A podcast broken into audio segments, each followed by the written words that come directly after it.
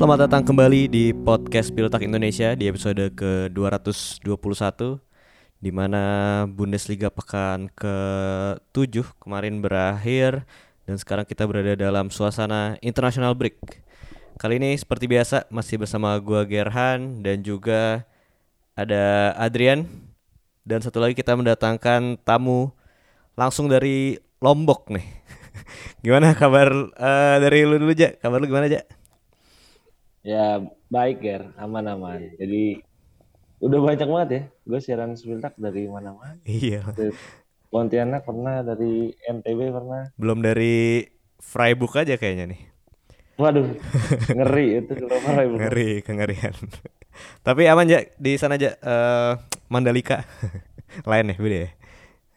Gue deket banget ke Mandalika. Oh, tapi deket banget. 30 menit. Makanya makanya gue ngerasa uh, kecewanya itu tuh maksud gue gue sedekat itu dengan pagelaran MotoGP. Iya ya, tapi tensionnya eh maksud bukan tension siapa ya? Atmosfernya lah di sana lebih rame volley apa MotoGP?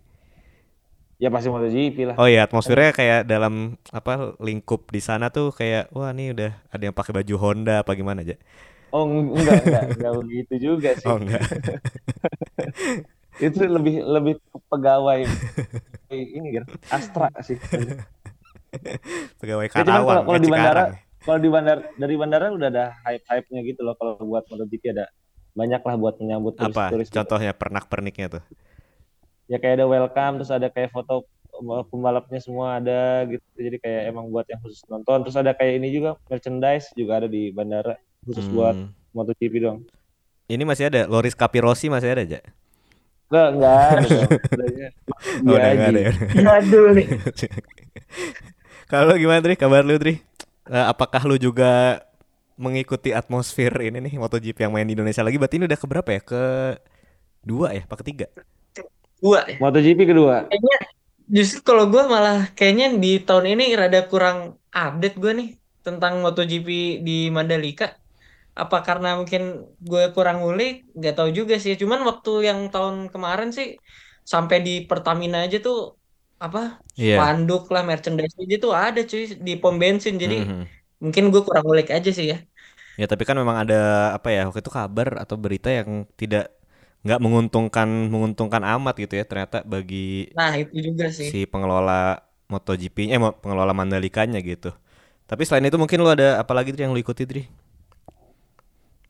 Eh yang gue ikuti sebenarnya nggak begitu banyak berbeda ya. Ice Cold. Eh, aduh. ya itu semua orang kayaknya ngikutin ya. Kalau nggak ngikutin eh, bakal kehilangan banyak eh, momen di media sosial sih. Cuman itu aja sih bener juga Ice Cold tiba-tiba jadi rame sampai ke ini Ger sampai ke media nasional ini Ger sampai Hmm. seperti kasusnya baru kemarin padahal kasusnya udah tujuh tahun yang lalu Ya, hanya karena film dokumenter satu jam berapa 10-20 menit seantero Indonesia jadi inget lagi Iya ya, padahal itu udah tujuh tahun yang lalu dan jadi apa ya? Kalau dilihat-lihat memang agak reactionary juga warga-warga Indonesia. Tapi ya bagaimanapun ya kita lihat aja ke, de- ke depannya apakah keadilan di pihak yang tepat selama ini apa enggak kan itu masih dalam perdebatan sampai saat ini. Gokil, sampai Karni Ilyas, sampai siapa tuh kemarin ya? Ya ahli-ahlinya dipanggil lagi lah ya ke podcast-podcast Deddy Corbuzier dan lain-lain. Eh kalau dari sepak bola kayak lu cukup sumringah Dri di pekan ini karena Dortmund menang lawan Union 4-2 dan secara mengejutkan sih kalau menurut gua bisa menyamai poin Bayern Munchen. Padahal ini startnya lebih gonjang-ganjing Dortmund gitu kan Dri. ya ini makanya keajaiban Edin Terzic ya setiap babak kedua gue nggak tahu kenapa harus nunggu kayak kayak Liverpool gitu loh Ger. Harus nunggu babak kedua babak pertama mainnya caur gitu. Cuman yang eh, yang paling aneh adalah du- beberapa pemain yang gajinya paling tinggi di Dortmund sekarang hanya menghiasi bangku cadangan Ger Niklas? Sule, Emre Can ini kegeser sama Mas Hummel sama Sali Oskan. Nah, terus Sebastian Haller juga perannya makin lama makin tergantikan oleh Niklas Füllkrug nih, Ger. Ini Nah, udah jelas. agak di luar dugaan gua, tapi gimana pun dan siapa pun yang mencetak gol bagi Dortmund, gua rasa setidaknya memberi napas lanjutan lah buat Edin Terzic karena meskipun poinnya sama dengan Bayern sepertinya ini paling unconvincing aja sih kalau menurut gua. Dari segi bermain konsistensi tuh konsistensi tuh bener-bener musim ini gak jelas banget lah Dortmund terlalu roller coaster gitu. Iya iya, tapi somehow Dortmund menjadi tim yang sulit dikalahkan ya walaupun mainnya B aja gitu, bahkan kadang jelek tapi ya secara defensif di UCL kan masih nol gol. Terus di Bundesliga juga kayak one of uh, the best juga di defensif kayak gitu. Eh kalau dari laju klub-klub Bundesliga ini banyak yang sangat luar biasa menjelang international break ini Stuttgart di peringkat 2 terus Leverkusen di peringkat 1 terus di bawahnya ada Bayern, Dortmund terus Hoffenheim. Kalau dari sini ja, menurut lu yang paling terganggu lajunya dengan adanya international break siapa aja? Stuttgart lah ini jelas banget. Dia kayaknya kalau nggak ada international break bakal ngegas terus kan. Sekarang ada international break, mereka pasti bakal agak sulit lagi nanti buat terusin momen yang lagi bagus banget mereka dapetin Ger. Karena ini di luar nalar siapa yang mereka dapetin sekarang. Betul. Ini the best start Stuttgart sejak pas mereka juara kalau nggak salah ya. Eh pas juara itu juga jelek ya. Gue lupa. Tapi kalau nggak salah waktu itu bagus juga pas juara. Dan ya bisa dibilang memang Stuttgart dirugikan, Leverkusen juga ya dirugikan karena lajunya lagi bagus. Tapi yang di kalau bahas dari yang diuntungkan siapa dari menurut lu? Yang diuntungkan sih menurut gua eh, ya kayak Dortmund tuh diuntungkan Eh, menurut gue juga Bayern Munchen juga lumayan diuntungkan justru ini karena tim-tim besar itu kan sudah terbiasa gitu gara membangun momentum lah ibaratnya gitu ya kan.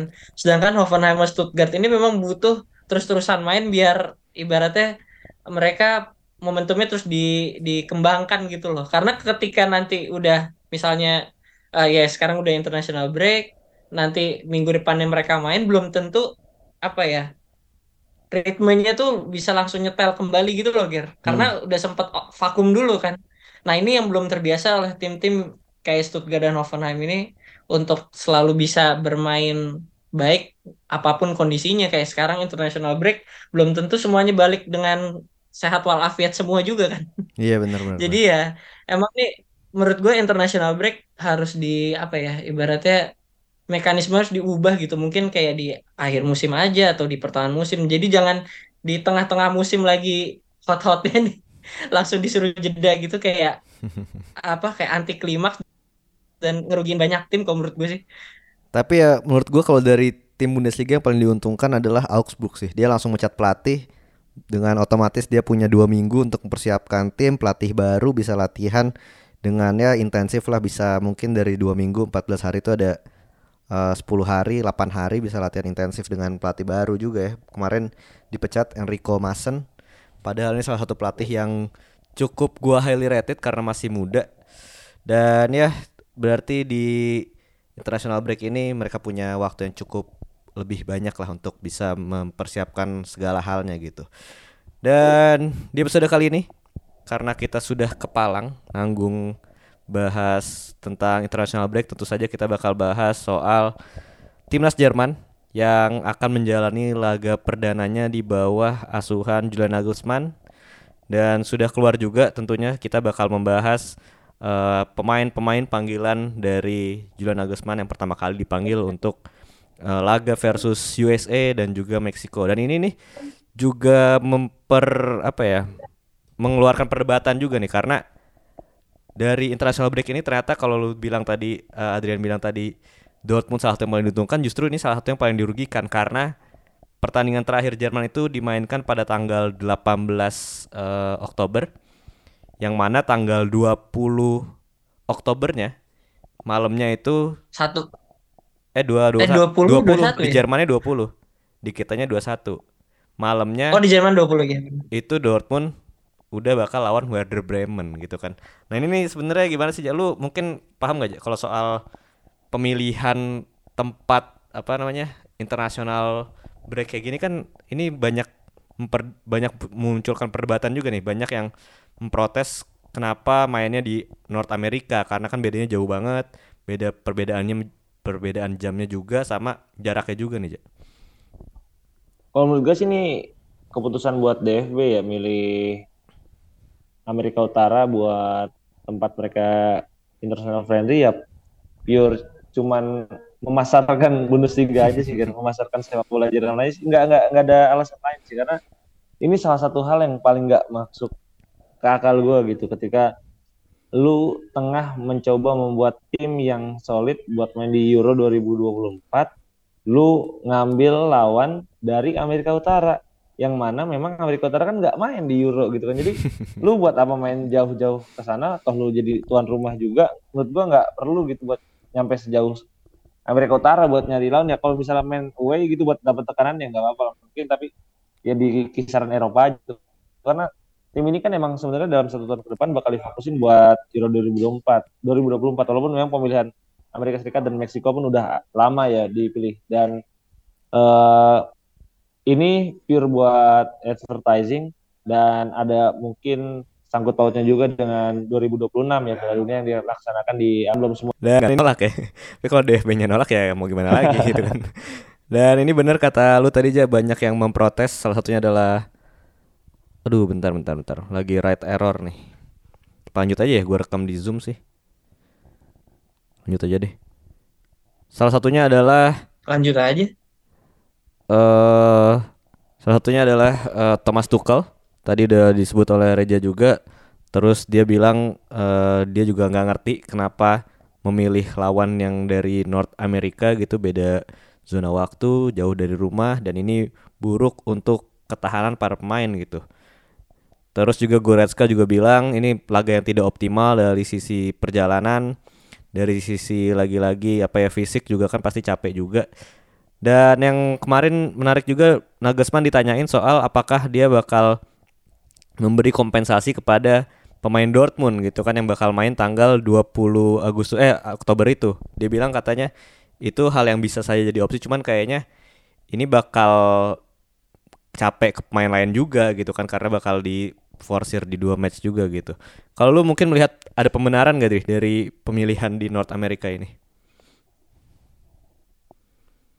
Eh, sih mungkin selain segi komersial uh, gue nggak ngelihat apa apa positifnya dari tour ke Amerika Utara ini gitu biar karena perjalanannya jauh, jadwalnya mepet dan segala macamnya. Ini nggak hanya membuat menurut gue ya uh, apa namanya uji coba ini bisa dioptimalkan oleh timnas Jerman tapi juga ke pemain-pemainnya sendiri yang suka atau tidak kita pasti uh, bakal bicara tentang personal apa ya target masing-masing gitu. Maksudnya di awal musim mungkin ada yang kayak uh, timnya masih ada yang lumayan bagus atau yang lagi men, apa lagi ya kayak tadi itu gue tadi bilang momentum dan segala macamnya ini kalau misalkan mereka cedera kan mengganggu musim mereka secara individu gitu loh Ger hmm. dan hasilnya yang didapat timnas Jerman juga menurut gue masih agak tanda tanya karena gue setuju juga harusnya justru lebih ngelihat uh, timnas-timnas yang ada di Eropa untuk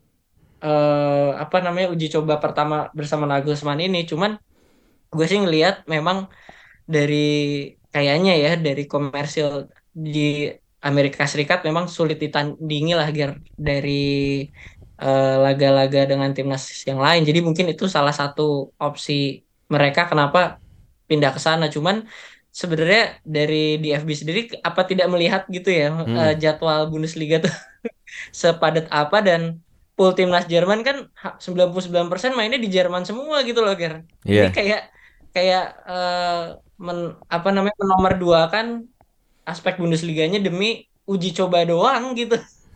yang sebenarnya bisa bisa kalau di dibikin uh, lebih rapi gitu semuanya dapat gitu uji cobanya da dapat Nagelsmann juga punya lawan yang mungkin mereka bisa uh, bisa hadapi di Euro 2024 dan pemain-pemainnya juga tidak kelelahan lah gitu dan bisa diminimalisir resiko cederanya. Cuman ya balik lagi sudah nasi udah jadi bubur gitu Ger. Ya ini sih sebenarnya agak mengecewakan ya karena tidak berpihak pada pemain sih kalau menurut Iya benar-benar. Pada pemain pada pelatih juga ya. Uh, dan ya berarti kalau gue ngeliatnya sih nggak ada kesinambungan antara DFL dengan DFB juga ya saat melakukan scheduling gitu. Walaupun ini udah lama tapi yang kasihan itu ya Dortmund. Ini kan Dortmund tim yang salah satu yang paling banyak menyumbang pemain timnas Jerman gitu, tapi harus menjadi korban di sini. Dan ini menjadi hal yang aneh juga berarti uh, kalau kita bahas dari segi timnas Jerman yang bersama Julian Nagelsmann akan bertanding nanti lawan Amerika Serikat. Ini juga menjadi hal yang aneh bagi Kevin Behrens, terus Robert Andrik dan juga Chris Fuhrig karena untuk pertama kalinya mereka akan bermain untuk timnas Jerman. Yang mengesankan sih ini kalau gue lihat tiga-tiganya nih pemain yang memang secara perkembangan dari muda nggak bagus-bagus amat.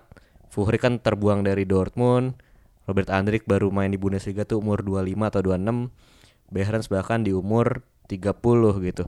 Ini menjadi pemanggilan yang menarik uh, dari Julian Nagelsmann. Kalau lu ngeliatnya gimana aja pemanggilan Nagelsmann ini apakah sudah sesuai ekspektasi lo kemarin pas kita bahas ini? Iya, kalau bahas pemain yang baru ya, menurut gua ya layak sih, layak-layak aja gitu ya. Karena ini harus dikedepankan lah sama timnas Jerman. Niru-niru dikit lah sama timnas Inggris. Karena timnas Inggris terlepas dari beberapa pemanggilan pasti ada kontroversinya ya, tapi pemain-pemain dari tim papan bawah itu kan selalu mendapatkan kesempatan ya kayak Ivan hmm. Toni, Watkins, Callum Wilson dulu.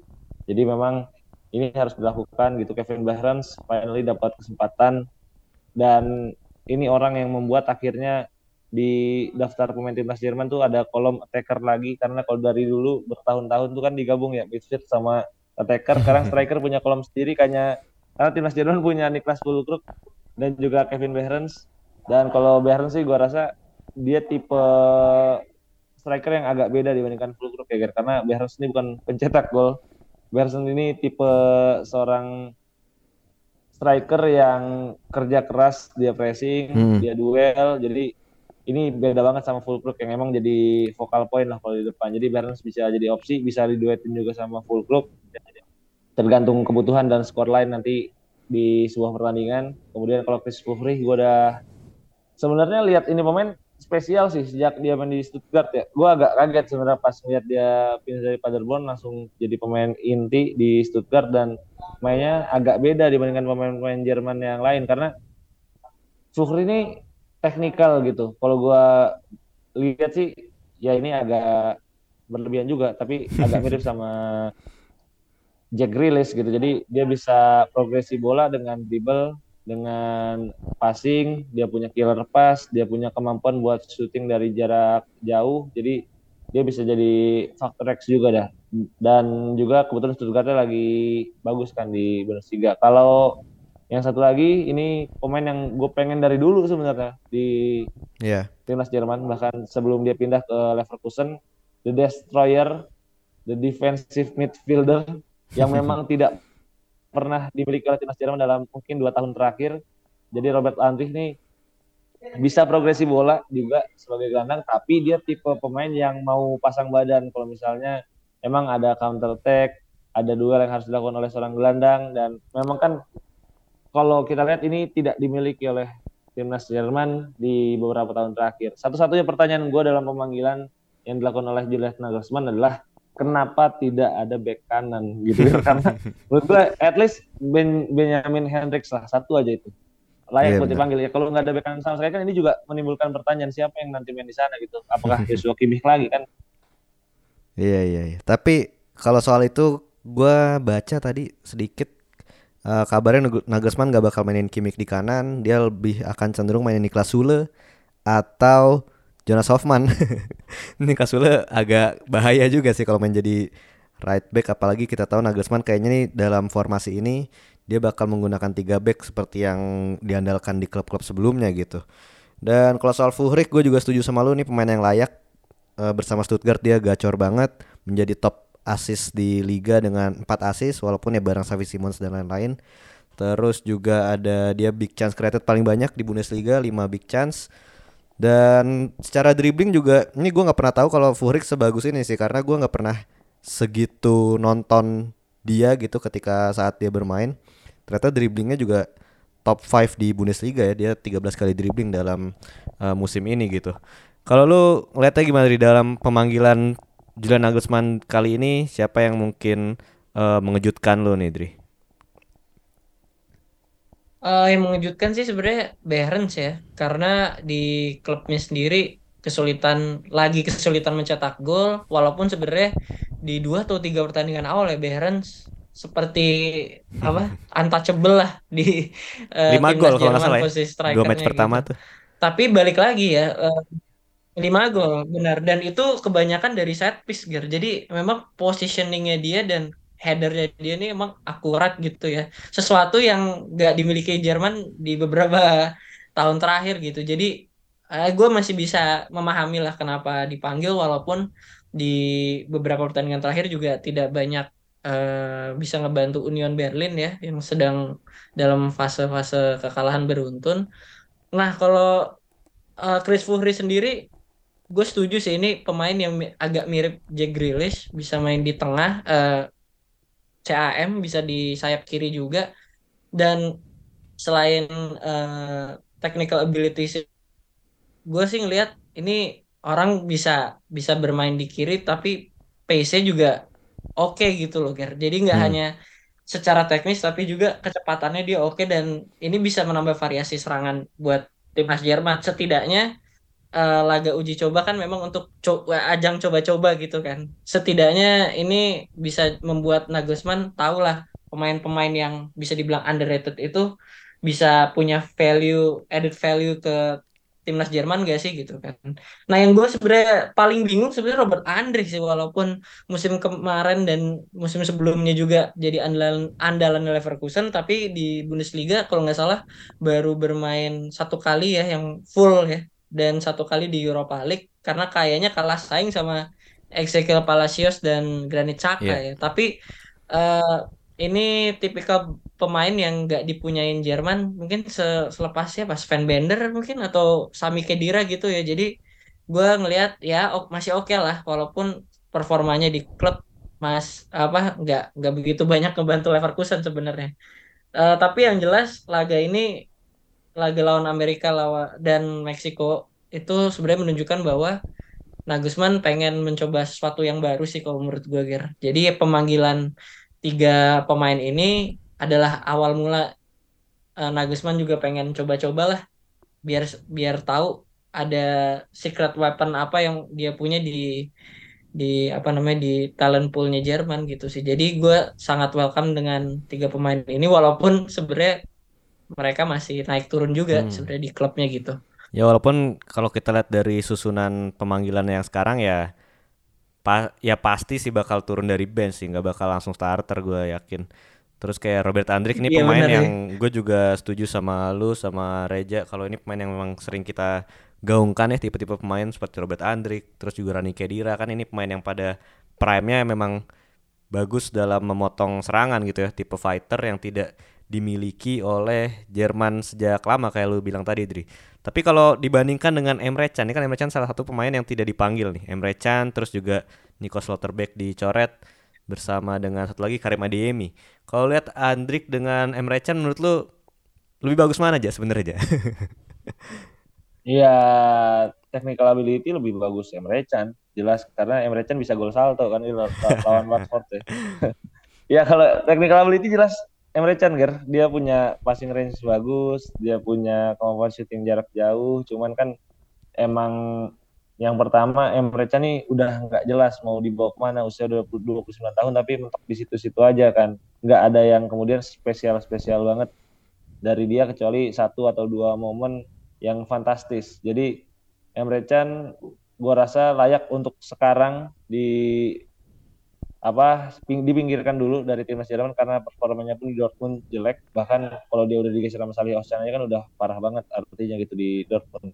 Dan dari pemain-pemain yang nggak dipanggil gue justru paling kaget sih Nico Slotterbeck gitu. Karena hmm.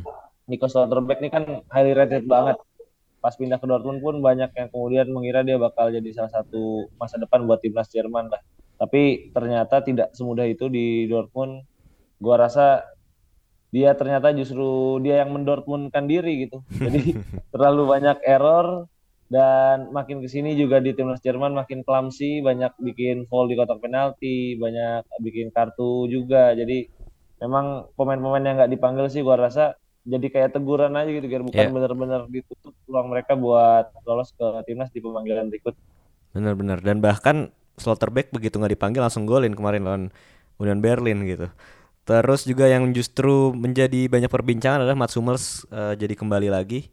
Ini juga mungkin secara permainan kan agak mirip ya Hummels dengan Slotterbeck ini tipikal pemain yang punya uh, range yang sangat baik dalam memberi umpan, juga kompos juga di lini belakang.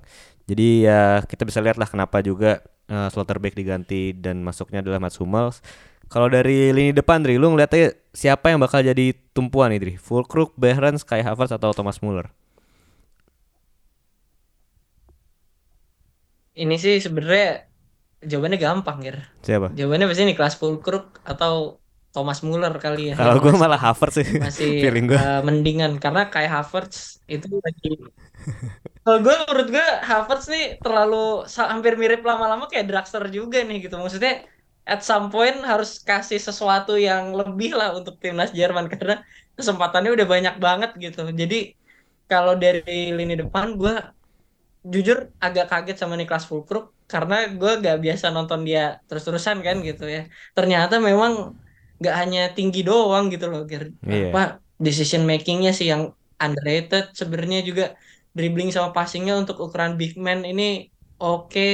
ya kalau finishing udah nggak usah diraguin lagi lah ya untuk saat ini mungkin one of the best karena udah ngegolin ke gawang sendiri ngegolin juga ke gawang lawan kan uh, minggu kemarin jadi gue rasa memang ini yang di, dibutuhkan timnas Jerman sih karena udah eksperimen Timo Werner lah. Ya tadi lu bilang juga kayak Havertz. Siapa lagi? Serge Gnabry kan sempet tuh jadi false nine ala-ala gitu. Goretzka gak ada yang berhasil juga. juga jadi Goretzka juga pernah. Jadi gue rasa udah saatnya untuk memberikan posisi striker kepada orang yang memang kerjaannya memang menjadi striker lah. Itu intinya Ger mm -hmm. dan udah di backup juga sama performa dia di Dortmund di dua atau tiga minggu terakhir ini kan Ger? Jadi gue rasa ya yang paling tepat untuk saat ini ya Niklas Fulkrug. Iya iya. Dan sebenarnya keanehan lain yang terjadi di pemanggilan ini adalah ada empat kiper nih. Bauman, Leno, Ter Stegen dan Kevin Trapp. Ini sebenarnya gue nggak tahu apa gunanya empat kiper dalam uh, jeda internasional gitu friendly match. Dan lebih milih satu kiper daripada satu right back ini agak aneh juga tapi kalau dari selain itu pemain yang harusnya dipanggil tapi tidak dipanggil menurut lu siapa aja? Harus dipanggil, tidak dipanggil ya. Ini agak berat ya, tapi menurut gua Maximilian Bayer sih. Karena Bayer udah agak lama ya. Gua kira dia cuman kayak empat pertandingan, tiga pertandingan, terus ngilang. Eh sekarang udah sekitar 6-7 pertandingan ya dia cetak gol kemarin juga di pekan ketujuh cetak gol. Dan memang Maximilian Bayer ini cukup mengagetkan sebenarnya. Dan mungkin memang Nagelsmann merasa terlalu dini aja masih terlalu muda aja mungkin nunggu sekitar satu atau dua bulan lagi. Kalau dia konsisten sih menurut gua panggilan timnas bakal datang. Dan secara gaya main lagi-lagi memang Jerman kan agak kurang banyak ya pilihan di posisi winger karena selain Leroy Sané, kemudian Sergei Gnabry, sisanya tuh lebih agak ke dalam gitu Ger ya posisinya di hmm. kayak posisi-posisinya Jamal Musiala sisanya Leroy Sané, Sergei Gnabry, Maximal Berni juga bisa main di sana buat jadi opsi lain di timnas Jerman sebenarnya. Kalau dari lu siapa dari pemain yang seharusnya dipanggil tapi tidak dipanggil? Ya ini nggak seharusnya sih, tapi menurut lu seharusnya dipanggil gitu. Uh, menurut gue sih dibandingkan tadi kita udah bahas uh, siapa si Robert Andrik ya. Kalau gue mendingan Anton Stach sih, Ger. Karena secara profil ini Stach sama Andrik mirip-mirip, tetapi yang jadi pembedanya adalah salah satu faktor Hoffenheim bisa gacor juga musim ini adalah ya karena Anton Stach di tengah gitu, Ger. Uh, apa namanya? Progresif bolanya juga bagus, uh, memproteksi lini belakang juga iya dan balik lagi ya ini memang mungkin preferensi sih uh, tapi gue ngelihat Anton Stach lebih versatile juga lebih lebih bisa ke cover lini tengah dan ya yang paling penting adalah formnya di musim ini yang memang lagi bagus-bagus ya gitu Gar. Jadi sangat disayangkan kalau pem, apa satu slot di timnas diberikan ke pemain yang di klub lagi jarang main gitu Gar. Sedangkan Anton Stark sendiri ini secara profil yang tadi gue udah bilang sangat mirip dengan Andri harusnya mungkin bisa dicoba gitu Ger jadi gue rasa Anton Stah sih yang yang agak disayangkan gak dibawa oleh Nagelsmann Kalau gua kalau disuruh milih siapa pemain yang harusnya layak dipanggil, gue Marco Reus sih, nggak tahu kenapa. Karena ya mungkin musim ini walaupun dia Nah, sudah tidak gue jadi kapten, juga. Sering datang dari bangku cadangan, tapi sekitar dua atau tiga pertandingan terakhir kan dia selalu memberikan kontribusi yang positif bagi Dortmund. Eh, juga link up dengan Niklas Fulkrug dengan Daniel Malen juga sangat bagus. Apalagi yang gol kemarin tuh dia assist juga kan ke Julian Brand tapi satu hal yang menurut gua menghalangi Marco Reus eh, tampil di timnas Jerman ya menurut gua udah cukup banyak pemain dengan tipikal seperti Marco Reus ini yang kita tahu sudah tidak seperti dulu lagi. Marco Reus sudah tidak se eksplosif dulu lagi ya dia agak deep juga sekarang eh, penampilannya kalau di timnas Jerman yang saat ini dipanggil oleh Nagelsmann sih udah ada Julian Brand ada kayak eh Florian Wirtz gitu Florian kan. Wirtz. Chris Fuhrich juga kan agak agak ke tengah agak dalam juga tuh nggak kayak Marco Reus beberapa lima tahun yang lalu mungkin ya tapi ya ini mungkin hanya gambaran dan seperti yang lu bilang tadi aja nih uji coba jadi layaklah pemain-pemain yang memang bagus di liga diberi kesempatan juga gitu kan. Seperti Fuhrich dan juga si Kevin Behrens ya walaupun tadi Andrik agak diperdebatkan juga. Dan ini berarti akan menjadi pertandingan pertama Julian Nagelsmann nanti lawan USA tanggal berapa tuh? 15 ya? Tanggal 15 Oktober bener di Indonesia hari Minggu. Lu akan nonton gak aja jam 2 pagi. Pasti enggak lah. gue somehow gue pengen nonton sih karena nih Nagelsmann kayaknya cukup exciting. Kalau lu gimana, Dri? Eh, mungkin eh, yang lawan USA gue mencoba nonton lah kalau kalau sempat pasti sempatkan gitu Ya, karena malam minggu karena lah ya. penasaran sih gue pengen lihat Nagelsmann kalau di timnas mainnya oke apa enggak nih apa jangan-jangan Hansi Flick jilid 2 gitu kan Iya, iya bener. Jadi ya paling begitu saja kita rangkum beberapa nama-nama pemanggilan dari Julian Nagelsmann di skuad timnas Jerman pertamanya. Jangan lupa mungkin yang mau nonton sih gua sarankan ya tonton aja karena yang Meksiko Jerman ini jam 7 mungkin bisa sambil sarapan nonton kan sebelum berangkat ke kantor tuh. Eh paling gitu aja di episode kali ini. Lo ada tambahan lagi gak sebelum kita tutup? Cukup sih paling itu ya. Lu kayak juga sudah harus siap-siap istirahat untuk lanjut besok. Kalau lu gimana, Tri? Ada tambah lagi gak, Tri? cukup ya Oke, kalau gitu eh, enjoy the international break. Tidak perlu ngotot-ngotot amat lah nonton bola seperti biasa, nggak perlu nonton eh, klub kayak di pekan-pekan kemarin. Jadi gitu aja di episode kali ini. Gue Gerhan pamit. Gue udah pamit. gue Adrian pamit Sampai jumpa di episode Spill Tak berikutnya. Bye.